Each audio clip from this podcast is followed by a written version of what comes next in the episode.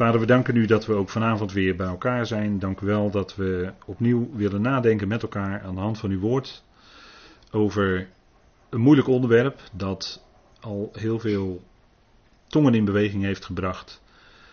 Veel gesprekken, onderlinge oneenigheid, veel boeken over geschreven. Vader, dank u wel dat u ons licht verschaft door uw woord en dank u wel dat we onder uw leiding, door uw geest geleid, door uw woord geleid, daarover willen nadenken met elkaar. We danken u dat we hier bij elkaar zijn en dat woord met elkaar delen. Dank u dat we leden zijn van de uitgeroepen gemeente, die het lichaam van Christus is. En dat is zoiets bijzonders, Vader. Dank u wel dat u ons dat steeds meer bewust doet zijn. Dank u wel dat we mogen danken voor de mogelijkheden die u geeft. Om dat nog steeds in alle vrijheid ook uit te dragen en bekend te maken. Dank u wel, Vader, dat u daarvoor ook middelen geeft. Dank u wel dat we mogen danken voor uw trouw en uw bewaring in alle opzichten. Dank u dat u met hen bent die er vanavond om welke reden dan ook niet bij kunnen zijn. U weet het, Vader, u bent ook hen erbij. Leid ons zo in het spreken, in het luisteren. Mag het zijn tot opbouw van ons geloof, tot opbouw van de gemeente. En mag het zijn tot lof en eer en verheerlijking van uw naam. Vader, daar dank u voor. In de machtige naam van uw geliefde zoon. Amen. Goed, wij lezen met elkaar Filippenzen 2. En dat doen wij vanaf vers 12. En dan lees ik met u voor deze keer tot en met vers 16. En daar staat: Daarom, mijn geliefden, zoals jullie altijd gehoorzamen, niet alleen bij mijn aanwezigheid, maar nu veel meer bij mijn afwezigheid, werk je eigen redding met vrees en beven uit. Want God is het die in jullie zowel het willen als het werken voor zijn welbehagen bewerkt. Doet alles zonder gemor en doorredeneringen, opdat jullie onberispelijk en zonder arglist kinderen van God worden, smetteloos, te midden van een krom en verdraaid geslacht, waaronder jullie schijnen als lichtbronnen in de wereld. Op het woord van het leven achtslaand, mij tot roem in de dag van Christus, dat ik niet te vergeefs liep, noch mij te vergeefs inspande. Tot zover. Willen en werken. We willen vanavond daar opnieuw over nadenken, over de menselijke wil. Hoe dat nou zit met die vrije wil van de mens, hebben we de vorige keer ook met elkaar hebben stilgestaan. Ik wilde toch nog een aantal aspecten vanuit het woord met u doornemen. Om dat uh, punt te verduidelijken, verder te verduidelijken. En natuurlijk, het is nooit uitputtend, maar het zijn misschien wel weer een aantal bouwsteentjes die u kunnen helpen om daarin verder na te denken en tot, ja, misschien dat ook tot die overtuiging te raken. Vorige keer hebben we geëindigd met de evangelist. Die zou evangelie spreken, het woord van God. Een evangelist, wat doet hij? Die zou het evangelie spreken. Goed nieuws. Goed nieuws is dat Jezus Christus in de wereld gekomen is om zondaren te redden. En dat die missie ook daadwerkelijk slaagt. Dat is het goede nieuws. En de missie kan alleen maar slagen als daadwerkelijk uiteindelijk ook alle mensen gered zijn. Uh, goed nieuws is niet de prediking van de eeuwige straf. Dat is geen goed nieuws. Goed nieuws is ook niet dat er een eeuwige straf is en dat je daaraan kunt ontkomen door te kiezen voor Jezus. Dat is ook geen evangelie. Maar het evangelie is dat God de redder van alle mensen is. En dat Jezus Christus daartoe is gestorven, opgewekt uit de dood en nu aan de rechterhand van de Vader zit. Dat is evangelie. Dat is het goede nieuws. En iets anders, een andere boodschap die het ergens bij de mens neerlegt of het ergens predikt eeuwige verlorenheid of wat dan ook, is geen evangelie. Dat is geen evangelie. Dat is geen goed nieuws. Als er eentje verloren zou gaan, is het al geen evangelie meer. Dan ben je het kwijt. Maar God zal niet rusten totdat de laatste er ook bij is. En we weten uit het woord dat het ook zo is. Niet omdat wij dat voelen of dat wij sentimenteel zijn, dat wij het zielig vinden, dat mensen voor eeuwig verloren zouden gaan of zo. Dat zijn helemaal geen argumenten voor ons. Argumenten komen alleen maar uit de schrift. En de schrift maakt duidelijk, luid en duidelijk zelfs, dat God de redder is van alle mensen. Inzonderheid van de gelovigen, zeker, die, worden, die weten zich nu gered al. Maar het een versterkt alleen maar het andere.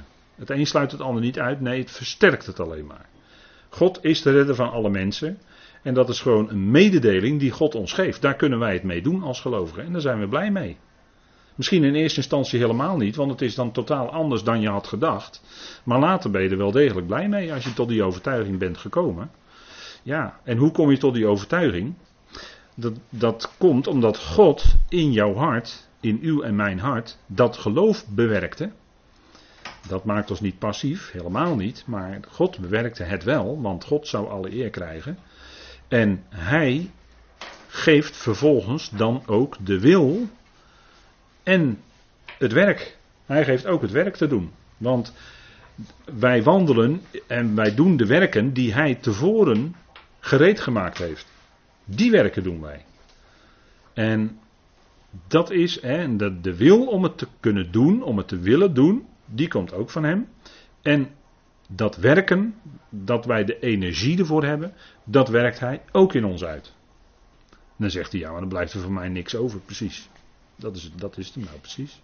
Alleen, het duurt heel lang voor een gelovige tot echt tot die overtuiging komt. dat kan heel wat jaren duren voordat het echt tot je doorgedrongen is. En dan zijn natuurlijk eeuwenlange discussies al over. Die wil van die mens, want we hebben het nu over het willen en het werken. Nou, die wil van de mens, dat is natuurlijk belangrijk. Als die wil eenmaal in de goede richting is gezet, namelijk naar God toe, dan gaat die mens ook aan de slag. Dan gaat hij ook die werken, dan wil die mens ook die werken gaan doen die nu in deze tijd uh, we zouden doen. En wat is het werk van de Heer?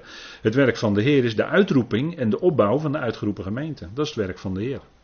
En daar willen we graag in betrokken zijn. Kijk, in de evangelische wereld, daar wordt gezegd, als je tot geloof bent gekomen, dan wordt er tegen je gezegd, heel fijn, iedereen is blij als je tot geloof bent gekomen. En dan wordt er tegen je gezegd, nu ben je gered voor de tijd en voor de eeuwigheid. Ja, wordt dan tegen je gezegd, hè, als je tot geloof bent gekomen. Tenminste, tegen mij werd het wel gezegd destijds. Dus ik spreek dan uit eigen ervaring. Hè. Hè, wat fantastisch, je bent nu gered voor tijd en voor eeuwigheid, want jij hebt gekozen voor Jezus. Dat is fantastisch. En dan wordt er vaak gezegd, in, in, uh, dan wordt er gezegd als toelichting, ja, een mens die heeft een eigen vrije wil en die kan kiezen. En dan wordt uh, de boodschap gepredikt dat Jezus aan het kruis gestorven is tot vergeving van zonde. En dan wordt er tegen de zaal gezegd, nu moet jij, hè, degene die nog niet geloven, die moeten een keuze maken. Een keuze voor Jezus. En er wordt er meestal niet meer zo hard bij gezegd van ja, als je niet kiest voor Jezus, dan voor eeuwig dit en dat. Hè. Dat wordt er dan tegenwoordig misschien niet meer zo hard bijgezet. Maar als het erop aankomt, dan is het wel degelijk datgene wat heel zwaar meeweegt. Zowel in kerken als in evangelische groepen. En het is helemaal niet zo dat daar heel, heel erg weinig over gesproken wordt, of nauwelijks meer. Dat is helemaal niet waar. Er wordt heel duidelijk over deze dingen gesproken, over eeuwige verlorenheid en over de eeuwige hel hoor. Er wordt heel duidelijk over gesproken. Vergist u zich niet wat dat betreft. Dat is de leer van de kerk. Artikel 37 van de Nederlandse geloofsbeleidenis. Dat artikel zouden ze moeten schrappen. Want het is onbijbels. Dat is gewoon geen bijbels artikel. Dat, dat doorstaat de toets van het woord niet. Kiest de mens uit eigen vrije wil? Dat is de vraagstelling, hè? Voor God, zodat hij dan voor tijd en eeuwigheid gered is. En als wij het antwoord daarop geven, en dan kun je natuurlijk twee antwoorden op geven op die vraag. Je kunt ja of nee antwoorden. Tussenweg is het niet mogelijk. Het is ja of nee.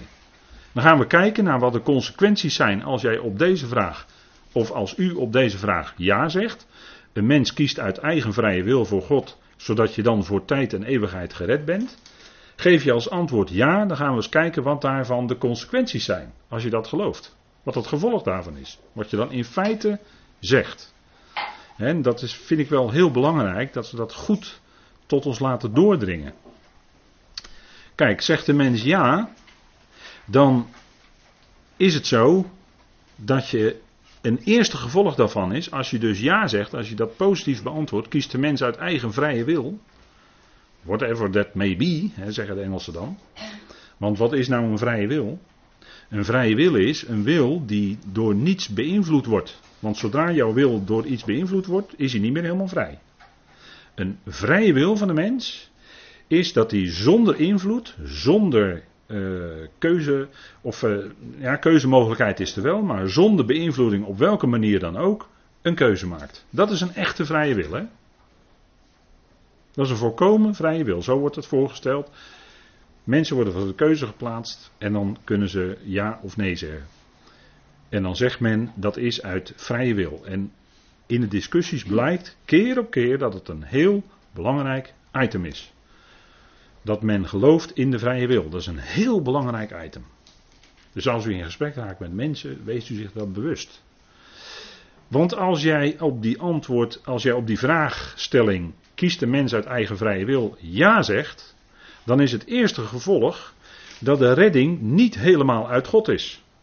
Ik kan misschien beter zeggen, bijna helemaal niet uit God is. Want het is de keuze van de vrije wil van die mens. Het is de keuze van die mens. Die heeft een eigen vrije wil. God heeft daar geen invloed op. Hè, want een, een vrije wil, dat is zonder beïnvloeding. De mens maakt helemaal zelf de keuze. En dan is die redding die dan tot stand is gekomen, althans zo wordt het gezegd. De vraag is dan of er echt redding, die mens op dat moment die redding ook kan claimen. Maar goed, de redding is niet helemaal uit God, want was afhankelijk van de keuze van de mens. Dus God heeft misschien wel 98% gedaan, zou je nog kunnen zeggen. Maar die 2%, dat is die eigen keuze van die mens, die, die moet gebeuren. En dan is het pas 100% redding. Maar als je dat dus zegt, dan is de redding dus niet helemaal uit God. Dan is het God, misschien voor een groot deel, of misschien voor 50%, hoe je dat ook in percentage wil uitdrukken. Maar die andere 50% die ligt gewoon helemaal bij die mens. Die moet gewoon uh, kiezen en doet hij het niet, dan kiest hij dus tegen. En dan, ja, dan zijn de eeuwen. Zo zegt men dat, hè? Dan zijn de consequenties uh, eeuwig. Dat is heel ernstig. Dat is dus het eerste gevolg, hè? Dus is iets bij God en er ligt iets bij de mens. Tweede gevolg is. Eigen vrije wil. Redding is geen genadegeschenk meer. Maar is iets wat je kunt bereiken. Namelijk, je kunt die redding bereiken door een keuze te maken. En er wordt gezegd, ja, God heeft alles gedaan. Hè. U weet wel hoe dat gepredikt wordt. Hè. God heeft alles gedaan. Jezus is aan het kruis gestorven. Hij is begraven. Hij is opgewekt uit de dood. Hij is nu aan de rechterhand van God. Dus God en Jezus hebben alles gedaan. Maar nu moet jij nog een keuze maken. Die reddingsboei is naar jou uitgegooid, maar jij moet die reddingsboei aanpakken, wordt er dan gezegd. Dit zijn de voorbeelden hè, die gebruikt worden. Dit is gewoon duidelijk, duidelijke zaak. Zo gaat het in de prediking. God heeft alles gedaan, maar nu ligt het bij jou. Ja, nu moet jij een keuze maken. Jij moet hem aannemen, ja of nee. En de consequenties zijn heel ernstig. Want als die persoon zou navragen bij de betreffende evangelist of voorganger: van als ik nou tegen Jezus kies, of als ik tegen God kies, wat gebeurt er dan met mij? Dan zal die voorganger of die evangelist uiteindelijk moeten zeggen: ja, dan is het voor eeuwig wee. Het is niet voor eeuwig wel, maar het is voor eeuwig wee. En als je geen keuze maakt, of dat je denkt van nou het komt uiteindelijk toch wel goed, hè, dan wordt er ook tegen je gezegd, dan ga je met een ingebeelde hemel, ingebeelde hemel ga je naar de hel. Dat zijn de uitspraken. Hè? Dat zeggen mensen allemaal. Hè? Ja, ik zie mensen knikken, dat heeft u wel vast wel eens gehoord. Ik heb het onlangs nog uh, naar me toe gekregen. Maar redding is dan geen genadegeschenk meer, maar is iets om te bereiken. Iets wat jij kan bereiken als mens. Je moet een stap zetten. Er wordt ook gezongen, het is maar één stap. Het is maar één stap tot Jezus. Maar jij moet die stap zetten. De mens is zelf dan redder eigenlijk in plaats van God. Hè? Want er wordt dan gezegd, ja, God heeft alles gedaan om jou te kunnen redden. Alles is gebeurd. Nog niet helemaal alles blijkt, want jij moet toch die stap doen. Jij moet toch die reddingsboei aannemen. Jij moet toch geloven. Dus uiteindelijk, hè, uiteindelijk kom je toch bij die ene procent of bij die 2 procent, dat jij als mens moet jij toch nog iets doen. Nou, dan is het geen 100%, dan is het geen genade meer, dan is het niet helemaal gratis. U kunt er gratis, uh, hè, stel je voor je gaat naar de winkel. Er wordt gezegd van nou dat en dat artikel kunt u gratis afhalen. En je komt in de winkel en het blijkt toch dat je nog 1 euro moet betalen. Ja, dat is voor de kosten om het in de etalage te zetten of zo. Smoes. Hè? Nou, dat is niet meer helemaal gratis, want je moet toch nog 1 euro betalen voor het artikel. Dat is niet meer helemaal gratis. Dat is, dat is precies vergelijkbaar. Hè? God heeft alles gedaan. Jezus heeft alles voor je gedaan. Maar jij moet toch ook nog zelf die stap zetten. Nou, dan is het dus, dan is het dus niet helemaal 100%. Dan is het dus niet helemaal genade. Want jij moet die stap nog zetten. Jij moet het aanvaarden. Jij moet het zondaarsgebed bidden. Hè? Dat, dat is toch, de, dat, zijn, dat zijn de termen, dat is het jargon hè, wat gebruikt wordt. Dat weet u. Dus uiteindelijk, dat is het tweede gevolg van deze, dit standpunt innemen. Als je zegt ja, eigen vrije wil, dan ben jij zelf redder in plaats van God. Kan je altijd claimen, ja, maar ik heb gekozen. Ik, ik heb het gedaan. Dus dat is het tweede gevolg. Hè? En dat is natuurlijk heel ernstig, want dan is, lang, dan is niet alle eer meer voor God, maar dan is ook nog een beetje eer voor jou. En dat is, dat is niet aan de orde. Hè? En later zullen we zien hoe ernstig eigenlijk dat standpunt is. Hè? Dan hebben we nog een derde gevolg. Zeg je ja, dan zeg je in feite dat de mens zichzelf redt maar dat is een kans. Het is een kans dat die mens kiest. Hè? Als je een vrije wil hebt, bestaat er een kans. Hè? Dan is er een kans dat jij die keuze doet. Dat, het, dat, het, uh, ja, dat het kan gebeuren. Maar ja, de kans is net zo groot dat het niet gebeurt. Want ja, die mens heeft die vrije wil. En daar ben jij van afhankelijk. Hè? Dat is de evangelist van afhankelijk. Want ja, er zitten allemaal mensen in die zaal met allemaal eigen vrije willen. Ja, en wie wil, mag komen. Elk die wil, mag komen, zingen we ook. Elk die wil, mag komen. Ja. Maar hè, we weten natuurlijk inmiddels dat het wel anders zit. Maar kijk, het, het kan dus gebeuren. Hè? Er bestaat dus een kans dat het gebeurt. Maar de kans is net zo groot dat het niet gebeurt. Want je bent volledig afhankelijk van die vrije wil van die mens. Want die wil is zo vrij, die wordt door niets veroorzaakt. En die wordt ook door niets tegengehouden. Dat is wat men zegt hè, in feite. En dan zegt u, ja, maar dan ga je er wel heel diep op in. Ja, maar dit zijn de consequenties. En dit wordt vaak niet verteld. Of als je zo'n gesprek krijgt, dan, dan wordt er tegen je gezegd, ja, je moet niet zo moeilijk doen. Nee, maar dit zijn de consequenties. Moet je nadenken, maar mensen denken vaak niet na over. Hè, er wordt makkelijk overheen gegleden of langs heen gegaan, hè, langs dit soort dingen. Maar het is wel degelijk ontzettend belangrijk. Want hiermee staat of valt de genade. Hiermee staat of valt de eer die God krijgt. En hiermee staat of valt ook de redding van alle mensen natuurlijk. Maar wat is dan doorslaggevend? dit, uh, u kunt zeggen, ja, dit, is allemaal gefilosofeerd. Nee, dit is geen gefilosofeerd. Dit zijn de consequenties. Dit zijn de consequenties van de, van de vrije wil. Van de veronderstelde vrije wil.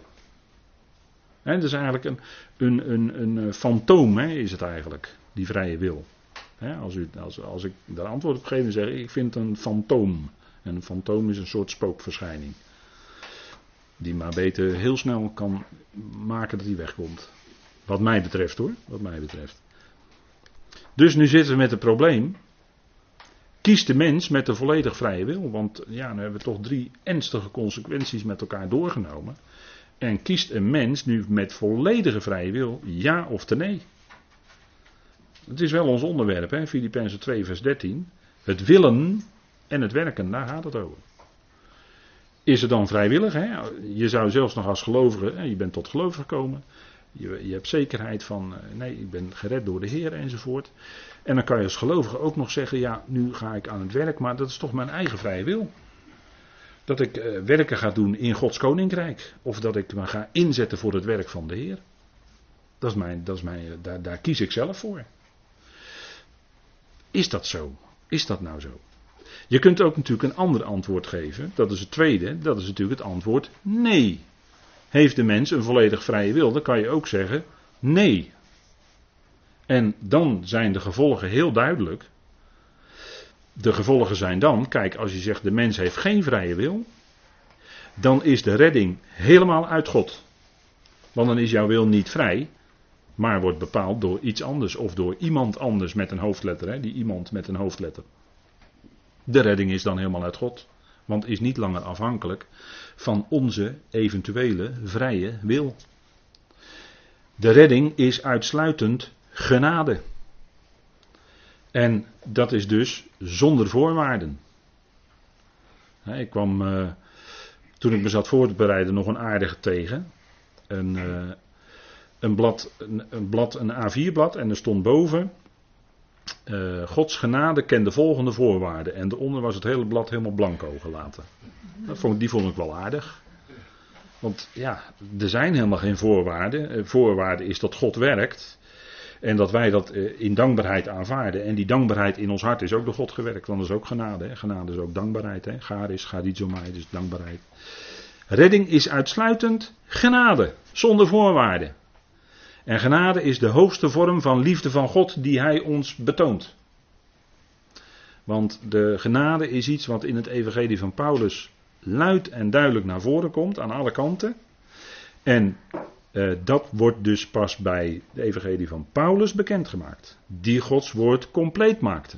Daarvoor werd er wel over genade gesproken, maar was het altijd nog, daar zat onder altijd nog een zekere voorwaardelijkheid. Dat was bij Israël. Hè? God is je genadig, maar je moest je wel houden aan. Maar bij Paulus is het puur, zuiver, alleen genade. Zonder welke voorwaarden dan ook. En dat hebben we met de gelaten brief denk ik toch wel heel erg duidelijk gezien met elkaar. De derde punt is, de redding is niet een kans uit vrije wil, maar de redding is zekerheid door Gods wil. Kijk, nu gaan we over Gods wil praten. Onze eigen vrije wil aan de kant. En wat komt er dan naar voren? Gods wil. En dat is bepalend voor de redding van de mens. God wil, en er wordt er in de praktijk van gemaakt, God wenst. Maar er staat, God wil dat alle mensen gered worden en tot erkenning van de waarheid komen. Er staat in die tekst staat het woord Telo, dat betekent wil. Er staat niet het woord voor wensen in 1 Timotheüs 2 vers 4. God wil dat alle mensen gered worden en tot de kenning van de waarheid komen. En denkt u erom, als God het wil, dan gaat het ook gebeuren hoor. Dan kunnen mensen zich daartegen verzetten. Maar het gaat wel degelijk gebeuren. Zie maar, het bekend, bekendste voorbeeld is de uittocht uit Egypte van het volk Israël. Farao ging in tegen Gods wil. Maar uiteindelijk gebeurde Gods wil toch. Het volk trok uit Egypte en Gods naam werd verheerlijkt over de hele aarde. En dat was ook zijn bedoeling dat dat zou gebeuren. Vrije wil. Ja, als we het hebben over een vrije wil, wie heeft eigenlijk alleen een vrije wil? Dat is eigenlijk alleen God zelf. Hè? Alleen God zelf heeft eigenlijk een volkomen vrije wil. Want God is niet gebonden aan wat mensen willen of doen. Maar God is gebonden, als je dat zo wil zeggen, aan zijn liefde. En vanuit zijn liefde bereikt hij wat hij wil. Als hij zich dat ten doel gesteld heeft, als hij zich voor iets voor ogen gesteld heeft, dan komt dat voort uit zijn hart van liefde en dan zal hij die wil ook kunnen volbrengen. Want God heeft ook het vermogen, niet alleen de wil om het te doen, maar hij heeft ook het vermogen om dat doel te bereiken. En dan kan een grote wereldleider als Farao daar tegenin willen gaan. Maar dan duurt het misschien tien plagen. Maar dan toch gaat Israël wel degelijk uit Egypte hoor. Want dat was Gods wil. Gods wil was: laat mijn volk gaan. Hij zette Mozes voor de farao neer. En Aaron begeleidde hem als zijn mond. Maar met die twee gaf God steeds die boodschap af: Farao, ik wil, laat mijn volk gaan. En Farao ging er tegenin. En hoe kwam het dat Farao er tegenin ging? Dat hebben we ook wel eens met elkaar hier uitgebreid gezien. In de studies van openbaring. Nou, u kunt het ook in de laatste UR, is daar ook een artikel over gekomen. God verhardde het hart van de farao. Dat zei hij van tevoren. En tijdens de hele procedure bleek dat ook en werd het ook steeds herhaald. Dat God zijn hart versterkte of verhardde of verheerlijkte. Het was Gods werk dat die farao zijn hart verhard werd. En dat hij daar steeds dat volk niet liet gaan tot en met de tiende plaag. En toen trok hij uit en farao ging erachteraan. En zo werd Gods naam verheerlijkt over de hele aarde. Hè. Dat was een geweldige uitredding. Redding is niet een kans uit vrije wil, maar zekerheid door Gods wil. Dat is de zekerheid van Gods genade. Gods genade is zeker, zekerheid. Gods genade is niet onzeker, want, want niet afhankelijk van de mens. Gelukkig niet. Kijk, wat bepaalt nou die menselijke wil? Hè? Dat is de volgende vraag. Dan zeggen we, we hebben nu vastgesteld met elkaar heeft de mens een vrije wil? Nee. Maar hoe zit dat dan met die wil van die mens? Want we zeggen in de loop van de tijd tegen elkaar: nee, een mens heeft geen vrije wil. Maar een mens heeft wel een eigen wil. Dat is de zekere speelruimte die God aan ons mensen gegeven heeft, om het zo maar te zeggen. Als u het mij vraagt, hebben wij als mensen in werkelijkheid veel minder speelruimte dan we denken. Maar wij menen dat wij wel een zekere speelruimte hebben. Maar goed, dat is ook tot op zekere hoogte hoor. Ja, maar dan maak je de mens tot een marionet. Ja, maar dan maak je de mens tot een robot. Nou, we zullen zien dat dat volgens de schrift nog wel anders ligt. De schrift gebruikt daar andere bewoordingen voor. En ik denk dat het een heel mooi voorbeeld dat we dat tegen gaan komen. Maar wat bepaalt nou die menselijke wil? Als we de Bijbel erop naslaan en we gaan kijken in Romeinen 7, dan heeft Paulus het daarover. Ja, eh, ik, ik doe wel. Eh, ja, ik, ik zou wel willen doen wat ik wens of wat ik wil. Maar het goede wat ik wil doen, dat, eh, ja, ik ontdek dat als ik het uit mezelf probeer, uit mijn vlees, dat het kwade me bij ligt. En dat ik eigenlijk, terwijl ik het goede wil doen, doe ik eigenlijk het kwade. En dan uiteindelijk, hè, heel verhaal, Romeinen 7. En dan blijkt dat het vlees aanwezig is in de mens. Dat heeft een bepaalde werking, een bepaalde kracht. De zonde werkt in de mens, heeft ook een bepaalde kracht. Die aan de mens op een of andere manier de mens beïnvloedt, of jouw wil beïnvloedt. En dan hebben we ook nog de wet. Bij Paulus was dat ook heel duidelijk nog eens een keer de wet. En als wij uit de religieuze achtergrond komen, eh, kerk of groep of wat dan ook, dan hebben we in ons leven daar absoluut ervaringen mee. Dat als de regels gesteld worden op een of andere manier, gelaten brief, hebben we dat uitgebreid met elkaar besproken. De grondregels van de wereld, dat is het principe van wet, religie. Je moet je aan allerlei regels houden en dan zul je voor die hogere macht of voor God of voor de godheid of hoe het, hoe het dan ook maar genoemd wordt. Als je nou maar al aan al die regeltjes houdt, dan sta je er beter voor uiteindelijk. Ik zeg het even heel versimpeld. Hè? Maar dat is eigenlijk de boom van kennis. Hè? De boom van kennis van goed en kwaad. Dan zijn, we dan zijn heel veel mensen zijn heel ernstig bezig in hun leven om het goede te willen doen. En dan ontdekken ze, ik wil het goede doen. Ik wil me aan die regels houden. En, maar ik ontdek toch iets in mij wat, dat, wat precies de andere kant op gaat. En dat kan heel krampachtig worden.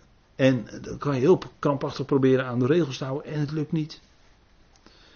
En misschien gaat het voor 80% ga je aan de regels houden. Maar ja, die 20%, hè, daar worstel je mee. Dat, dat, dat lukt nog niet. 90% kan je aan de regels houden.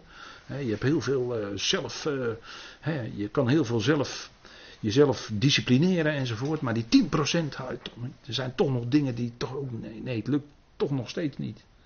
En dan misschien al tientallen jaren, hè, zoals ze dat dan tegen elkaar zeggen, tientallen jaren in de weg van de Heer, op, op weg met de Heer, of de Heer met mij op weg, hoe je het zeggen wil. En dan is nog steeds die 10% en het lukt maar niet. Hè. En dan kom je toch uit bij wat Paulus uitroept aan het eind van Romeinen 7, ik ellendig mens. Want die 90%, ja, dit lukt wel, maar die 10%, nee, lukt nog steeds niet. Maar we hebben te maken met het vlees, we hebben te maken met de wet en we hebben te maken met de zonde. Paulus noemt een aantal wetmatigheden in Romeinen 7. En als je, jij maar steeds gaat proberen 100%, dan ga je ontdekken dat gaat hem niet worden, dat gaat niet lukken. Dat gaat niet lukken, dan krijg je dezelfde ervaring. Ik ellendig mens. En wat is dan het antwoord? Genade. Genade doet het. Ik dank God door Jezus Christus, mijn Heer. Dat is het antwoord. En als je vanuit de genade, dan ga je ineens ruimte krijgen. Als die genade in je gaat werken, echt, je gaat echt doorkrijgen wat die genade van God betekent. Dan ga je ademhalen, dan krijg je ruimte, dan, dan verdwijnt die benauwdheid van het steeds maar willen voldoen aan. Want dat, daar gaat het niet om, onder de genade. Het gaat erom dat wij in, uit genade leren leven. Dat we in genade leren leven. Dat we leren wat het betekent om in Gods klimaat van genade te leven. Zelf in je relatie naar God toe, maar ook met die anderen om je heen. Want als je ontdekt hoe God jou genade schenkt, dagelijks, dan ga je ook leren daaruit, dat is de bedoeling, dat je ook die anderen waarmee je te maken krijgt in jouw dagelijks leven, al die gemeenteleden en uh, familieleden en allerlei andere mensen om je heen, dat je die ook genade leert schenken. Hoe God met jou omgaat, genade, hij schenkt jou genade, dat je die anderen ook genade schenkt. Dat is het, hè.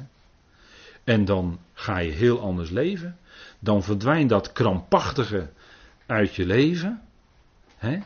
En dan, dan beweeg je je om dat hele oude voorbeeld nog maar eens een keer naar voren te halen op het plein van de genade.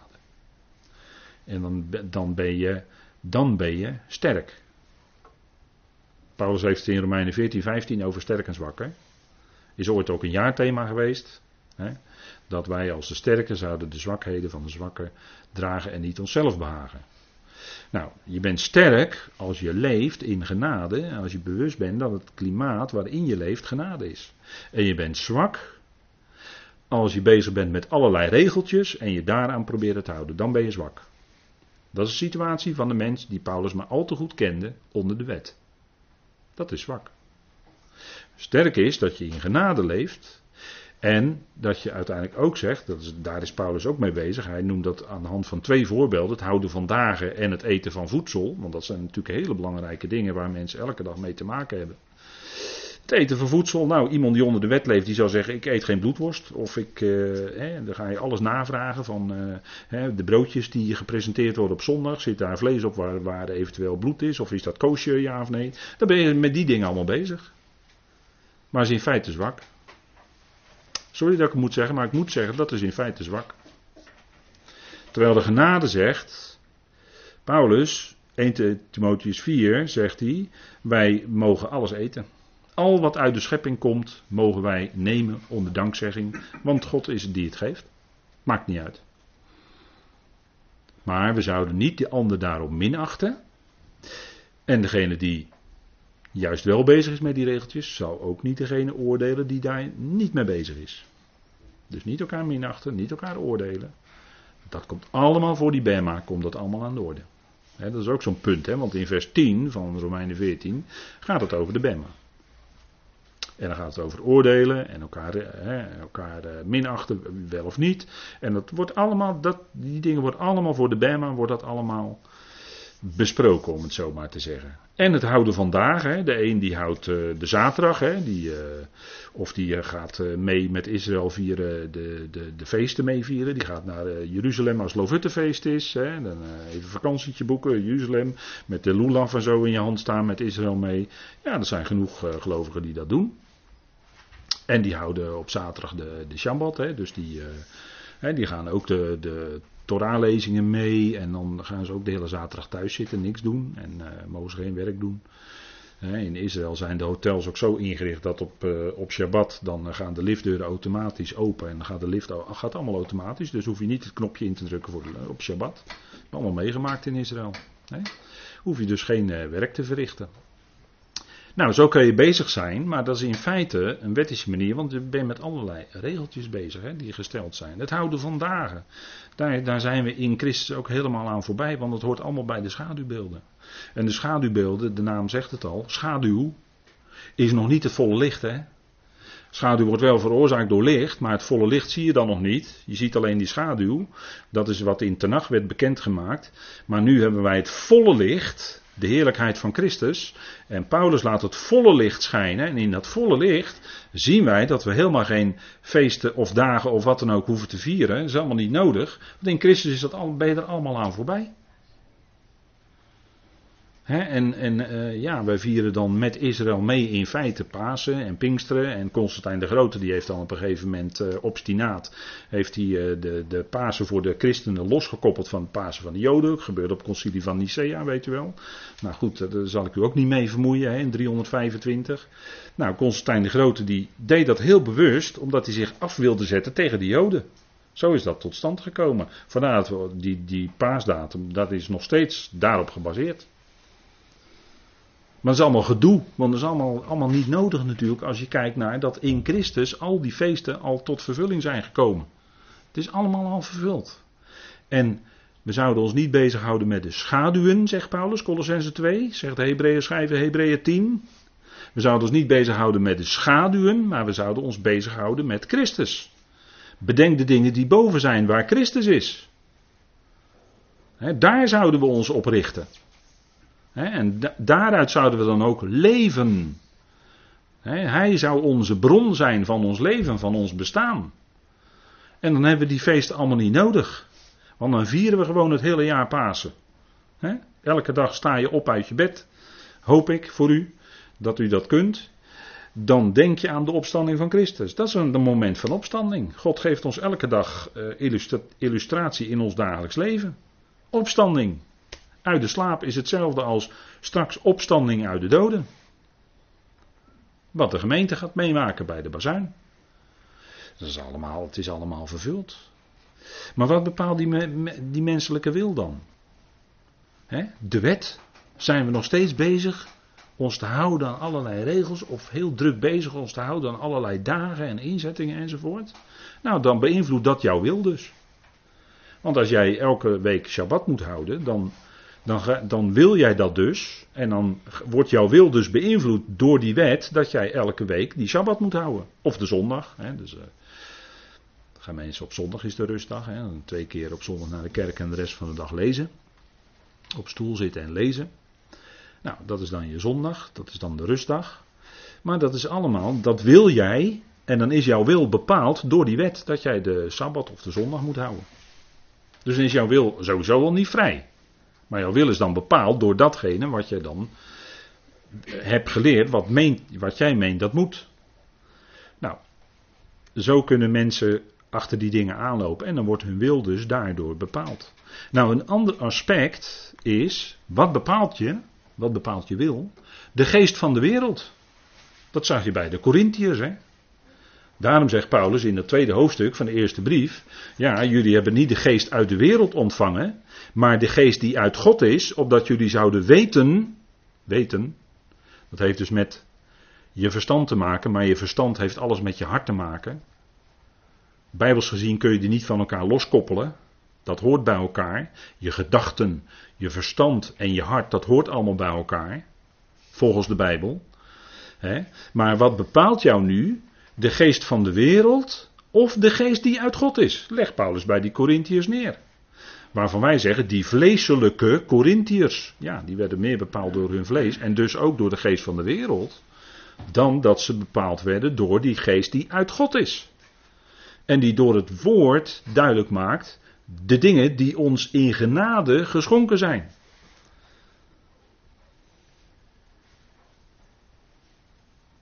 En dat is nodig om dat steeds jezelf voor te houden. Dat niet alleen, maar dat voorgehouden te krijgen. Dus Bijbelstudie te doen, Bijbelstudies te luisteren, horen, hè, want geloof komt door horen. Je wordt opgebouwd door horen naar het woord biddend luisteren naar de Bijbel. Daardoor word je opgebouwd. Dat heb je nodig voortdurend in je leven als gelovige. Je moet die bron niet laten opdrogen. Ja, we zijn jullie na 30 jaar nog steeds bezig met Bijbelstudie. En dan zo intensief. Weten jullie het dan nog niet? Nee, kijk, groei in het geloof is niet iets wat van de een op de andere dag er is. Dat, is, dat zie je in de natuur ook. Eerst komen de groene blaadjes tevoorschijn en dan, dan krijg je de bloesems te zien. En pas later in het jaar krijg je de vrucht. Daar gaat uh, ongeveer een half jaar overheen voordat je de appels aan de boom ziet hangen. Dat is groei voor nodig, gaat tijd overheen. Nou, zo werkt het in het geestelijke bereik ook. We hebben groei nodig in ons geloof, maar dat is een kwestie van jaren. Dat je gaat verdiepen in de genade, wat genade werkelijk betekent. Want in het begin denk je dat weet wat het is, genade, maar je weet het niet hoor. Dat weet je vaak pas jaren en jaren later. Wat genade werkelijk betekent. En dan weet je het nog niet helemaal hoor. Want dat hoeven we ons ook niet in te beelden.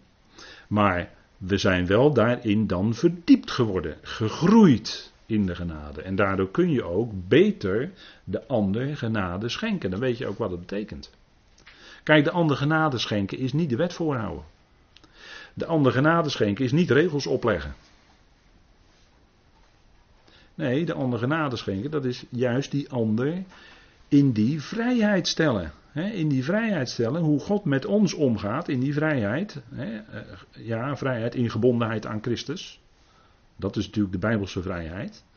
Dat is vrijheid, gebonden zijn aan Christus. Want dan ben je vrij van al dat andere wat jou zou kunnen binden. En waarvan je weet uit je vroegere leven, of uit je oude leven, hè, zoals, het dan, zoals het dan heet. Uit je oude leven waar je aan je gebonden was. Daar ben je dan niet langer aan gebonden. Nee, je bent nu gebonden aan Christus. En dan ervaar je wat werkelijke vrijheid is. Dat is werkelijk genade. En dat is het punt, hè.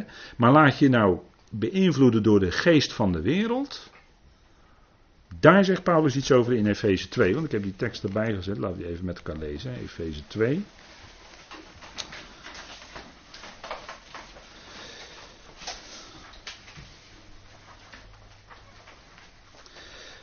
En dan ging het in hoofdstuk 1 aan het eind tot enorme hoogte. En dan lijkt het net in hoofdstuk 2 of je weer even met de beide benen op de grond gezet wordt. Vers 1 lees ik dan met u, vanaf vers 1.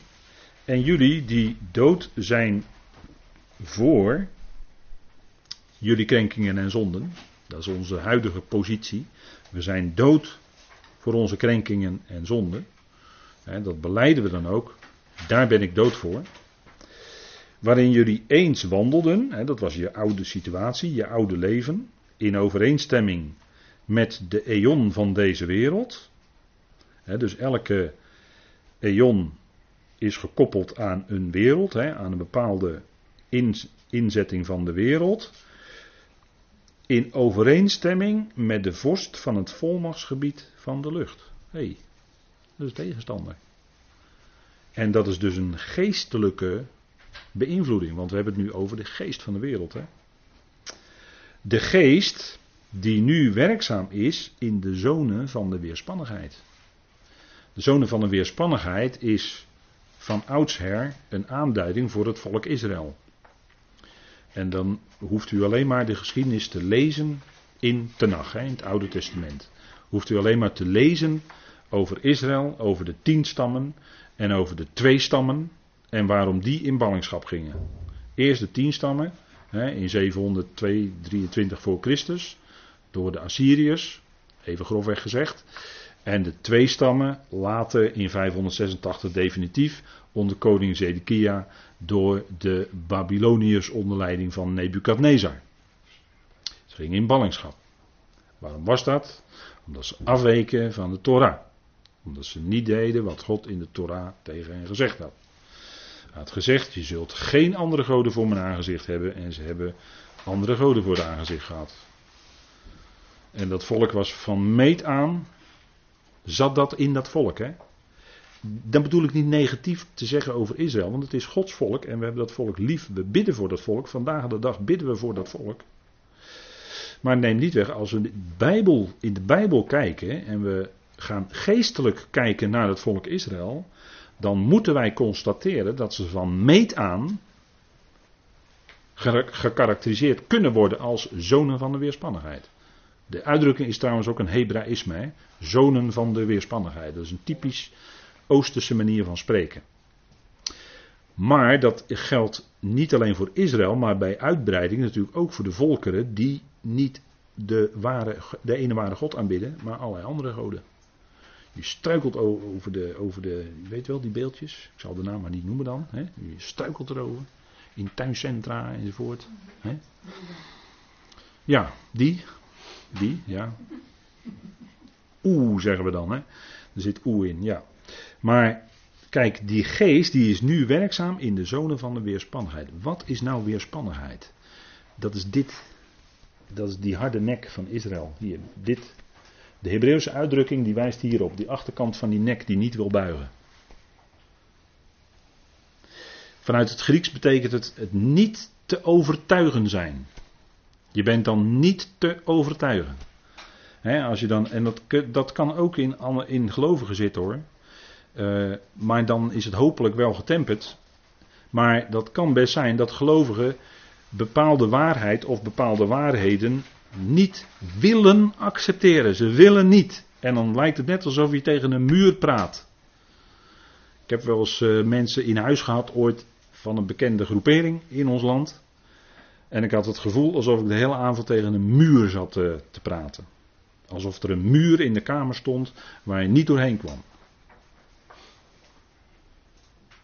Dat was bij, bij, dat was bij ons thuis. En ik heb ook eens in een ergens anders thuis gezeten en daar had ik, dat was heel akelig, maar dan had ik precies dezelfde ervaring. Dat was heel akelig. Dat was nog veel akeliger dan die eerste, vond ik. Maar dan zit je tegen een muur te praten. Nou, dat is, dat, dat is die weerspannigheid. En dat heeft te maken met die geest die werkzaam is. Hoezo vrije wil? Als we het hebben over deze geest.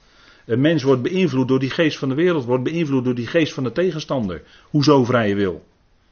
Dacht je dat je niet beïnvloed werd door die geest van die tegenstander? Natuurlijk wel. Je bent, je bent, vorige keer heb ik ook een aantal voorbeelden gegeven. Reclame. Reclamemakers weten hoe ze uw wil moeten beïnvloeden. Hoe ze kunnen bereiken dat u dat product gaat kopen. Of die auto, of uh, dat uh, daar, daar uh, gaat, gaat, flink gaat inslaan. Hè? Een groot grutter heeft daar een mooie benaming voor. Hè? Maar ze weten precies hoe ze dat moeten doen. Er zijn dure reclame mensen die zijn daar dag aan dag mee bezig in teams. Daar wordt over nagedacht. Dat is een hele, zit hele, hele slimme gedachten zitten daarachter. Waarom, waarom, denkt u dat de tv-programma's, dat het enorm, eh, enorm veel spelletjes en eh, wij zeggen dan verstrooiing is? Ja, dat is het ook precies, verstrooiing is het. Want uh, jij, jij, jij wordt bezig gehouden door die, door die tv-spelletjes, programma's. Als u het zelf wil kijken, moet u allemaal zelf weten, maakt mij verder niet uit. Maar ik zeg het nu alleen maar omdat we over de vrije wil hebben. allemaal spelletjes op tv, sport, noem maar op, allemaal dingen. Maar inhoud heeft het niet. Je wordt er niet wijzer van. Nou ja, sommige spelprogramma's, als je wat kan, eh, geld kan winnen wel, maar daar word je er wel wijzer van. Maar niet wijzer in de zin van uh, hier, hè. Werkelijk wijzer, want dat is bij Gods woord. Nou, het gaat natuurlijk helemaal niet om dat je de televisie weg moet doen. Hè, want uh, in, in, groepen mogen, mogen, ze geen televisie kijken. Maar ja, dan kijken ze nu televisie via internet. Dat is, ook maar, dat is precies hetzelfde natuurlijk. Alleen ze hebben geen televisie in huis. Ze voldoen aan de regel. Maar via, via de computer kijken ze toch televisie. Ja, zo gaat het dan hè, onder de wet. Dan eh, vind je altijd wel een manier om er toch onderuit te kunnen komen. Maar die geest van de wereld, hè, dus de, de zonen van de weerspannigheid, hè, die geest die werkt daarin, die zorgt voor dat weerspannige in die mens. Want wij zeggen, wat is dat nou toch, dat diegene niet te overtuigen is. Het lijkt wel of ik tegen een muur oploop. Nou, dat is dit. Dat is die geest van de weerspannigheid, die werkt in de zonen, in de mensen. Daarom loop je er tegenaan. En het is dan echt niet dat de mens dan, die mens dan uit eigen vrije wil nee zegt hoor. Helemaal niet.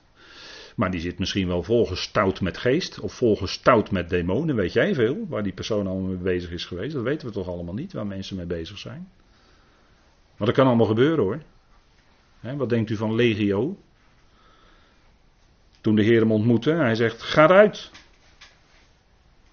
En 2000, werden, 2000 zwijnen stortten zich uh, in de zee. Hè? is van één mens. Legio. en mensen zijn bezig met allerlei Oosterse mystiek en filosofie en noem maar op. En ik, ik, ik, yoga, nou ja, yoga mag ik eigenlijk niet zeggen. Yoga is misschien, zeggen sommigen, misschien toch wel goed yoga. Ik weet het niet. Ik heb daar mijn twijfels over. Geest van de wereld. En die zorgt ervoor dat mensen beïnvloed worden. En dat mensen daardoor, dat er een blokkade komt. Hè, want dat is wat demonen ook doen in de mens. Hè. Die komen in de mens en wat ze dan doen, ze, is ze sluiten de deuren en de ramen.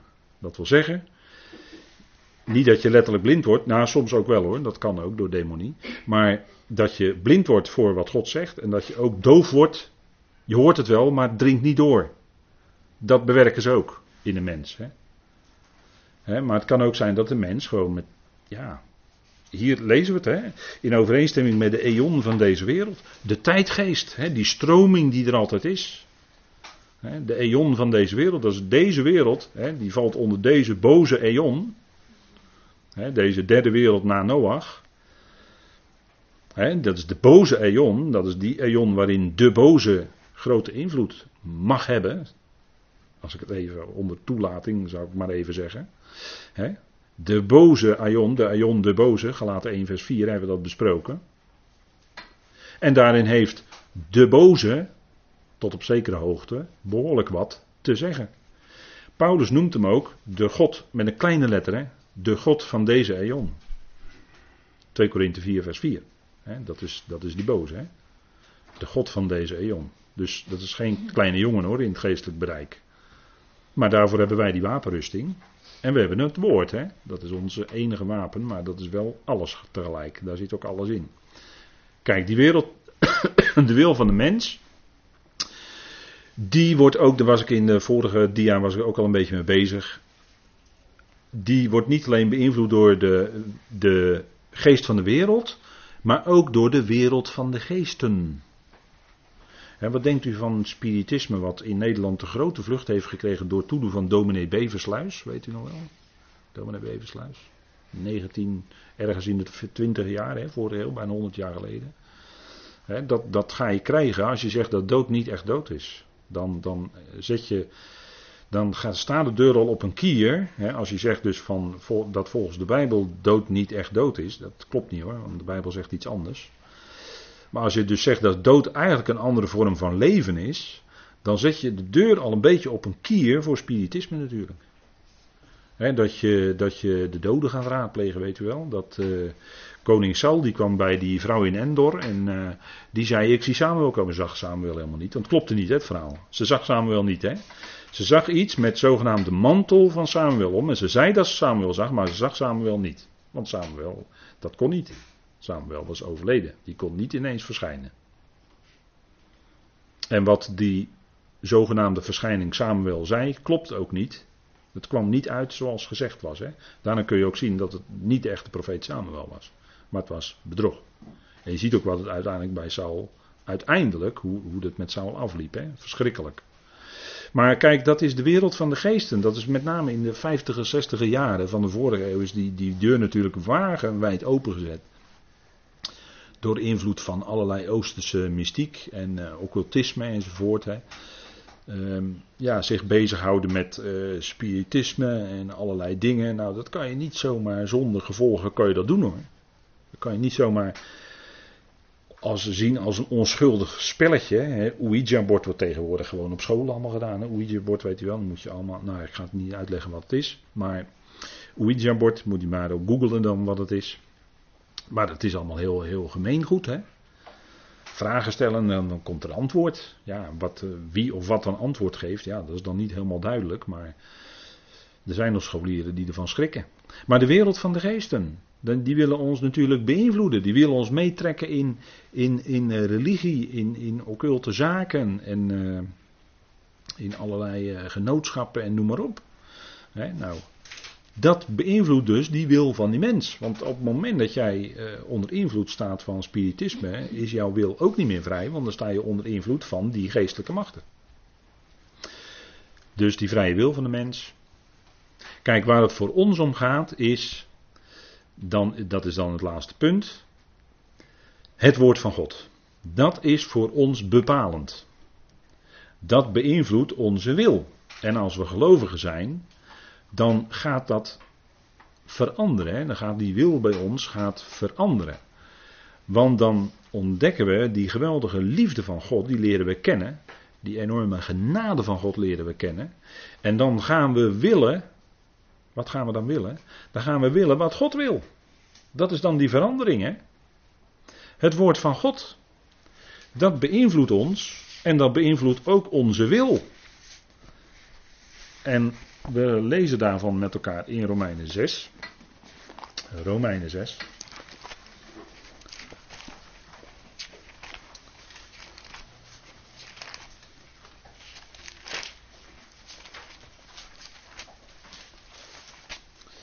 Romeinen 6, vers 17. En dan gaat het om wat je dan wil. Hè. Je, je wil dan je leden van je lichaam stellen tot eer van God.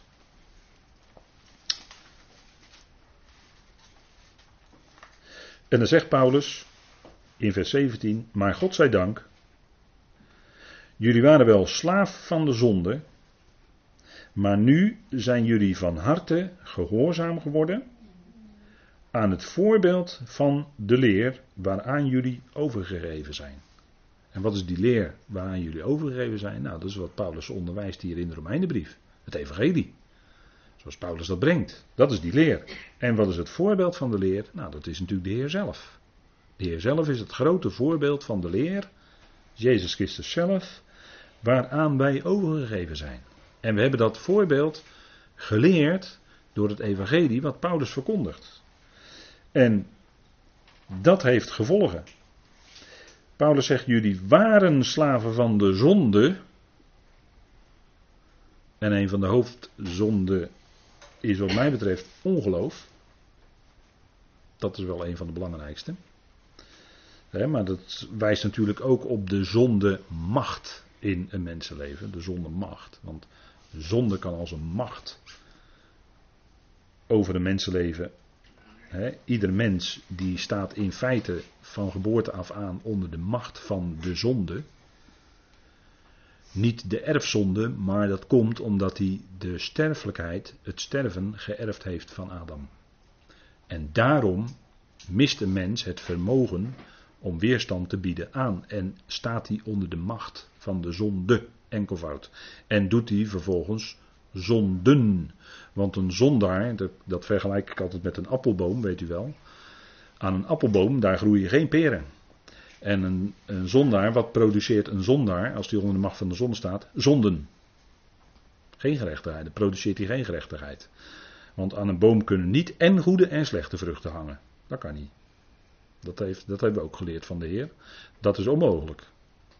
Maar net zoals aan een appelboom alleen appels groeien, zo produceert een zondaar zonden. Missende daden waarin die zondaar het doel mist. Misstappen begaat. Kan, hè? Onder de macht van de zonde. En die macht van de zonde, die, die zonde is bij gelovigen nog wel degelijk aanwezig. Alleen die zou niet meer zo'n volledige macht over de mensen hebben, over de gelovigen hebben. Want er is nu een andere heerser gekomen. En wat is die andere heerser? Niet langer de zonde, maar wat is die andere heerser? Genade, ja, inderdaad. Eindromeinen, Eindromeinen hoofdstuk 5. Hè. Niet langer zit de zonde op de troon, is de heerser, maar genade regeert. Dat is de verandering, ook in ons leven. En dan zegt Paulus: Nu zijn jullie van harte dus dat woord had in het hart gewerkt. Dat was via de oogjes en de oortjes in het hart gekomen. Het had in het hart gewerkt. Zijn jullie gehoorzaam geworden? dat is dus een vrucht van het werk van God door zijn evangelie in de gelovigen, in het hart van de gelovigen. Die gehoorzaamheid. Dat is niet de gehoorzaamheid van de wet, maar het is de gehoorzaamheid van het geloof. En dat is ook wat hier staat. Nu zijn jullie van harte gehoorzaam geworden aan het voorbeeld van die leer waaraan jullie overgegeven zijn. Die leer is niet de wet van Mozes, maar die leer is het evangelie van Paulus. Ik zeg het er maar even bij voor alle duidelijkheid, hè, om de verschillen even te laten horen. En dan vers 18, en vrijgemaakt van de zonde zijn jullie dienstbaar gemaakt aan de gerechtigheid. Hey, dat is een enorme verandering. Niet langer staat bovenaan in ons leven de zonde, nee, de gerechtigheid. De dingen doen waarin we recht doen, hè, waarin we handelen naar wat God, inderdaad, wat God wil. Gods wil. Zo beïnvloedt God door zijn woord onze wil en werkt hij in ons die wil uit. En dat lezen wij ook in Romeinen 12. Want dat, is, dat sluit direct aan op Romeinen 6. Romeinen 12 en dan het tweede vers. En er staat, en wordt niet aan deze. Ja, er staat hier in mijn vertaling staat wereld, maar het staat eigenlijk aion. En wordt niet gelijkvormig aan deze aion. Dat is dus die tijdgeest. Laat je niet beïnvloeden door de tijdgeest, meeslepen door de tijdgeest. Wordt niet gelijkvormig aan deze aion, maar wordt veranderd door de vernieuwing van uw denken. De vernieuwing van ons denken. En dat heeft alles met ons hart ook te maken hoor. Om te kunnen onderscheiden wat de goede, welgevallige en volmaakte wil van God is. Hé, hey, dan gaan we dat onderscheiden. Wat is nu de wil van God? En dan ga je zeggen als gelovige: hé, hey, dat wil ik ook. Dat wil ik ook. Dat is die verandering in je hart. Dat je niet langer je eigen wil wil doen, hè, waarover we in Efeze 2 lazen. Hè, of in Efeze 2 lezen wij in vers 3. Onder wie ook wij allen ons eens gedroegen. Hè, onder die geest van de zonen van de weerspannigheid. Hè, die geest van. Die geest die nu werkzaam is in de zonen van de weerspannigheid. Dan zegt Paulus in vers 3. Onder wie ook wij allen ons eens gedroegen in de begeerten van ons vlees. De wil van het vlees en de denkwijze uitvoerend. U ziet het hier, hè? De wil van het vlees en van de denkwijze uitvoerend. En we waren van nature, van, van nature kinderen van verontwaardiging, zoals ook de overigen. Dus wat deden we? Wij voerden uit de wil van het vlees en van onze gedachten. Maar die gedachten werden beïnvloed door de geest. Door die, door die geest hè, waar het in Efeze 2 over gaat. En dat deden we onze eigen wil of de wil van het vlees. Als u dat zo noemen wil. Onze eigen wil, wil van het vlees, was onder de zonde. Maar nu in Romeinen 12, als vrucht van het evangelie, gaan wij onderscheiden wat de goede, welgevallige en volkomen wil van God is. En leren wij met de Heer te zeggen, want Hij is het voorbeeld van de leer. De Heer zei, Vader, niet mijn wil, maar uw wil geschieden. Niet mijn wil, maar uw wil. Dat is voor ons ook als gelovigen het motto, denk ik. Niet mijn wil, maar vader, wat u wil. Dat wil ik doen. Daar wil ik mee bezig zijn. En dat is die enorme verandering. En dat is wat onze wil beïnvloedt. We hebben geen vrije wil. Maar dat is wat onze wil beïnvloedt. Dat is het woord van God, het evangelie. En daardoor gaan wij willen wat God wil. En daarin ervaar je ware vrijheid. Als je wil wat God wil, doet wat God wil, dan ervaar je daarin ware vrijheid. En daar gaan we na de pauze met elkaar verder over nadenken.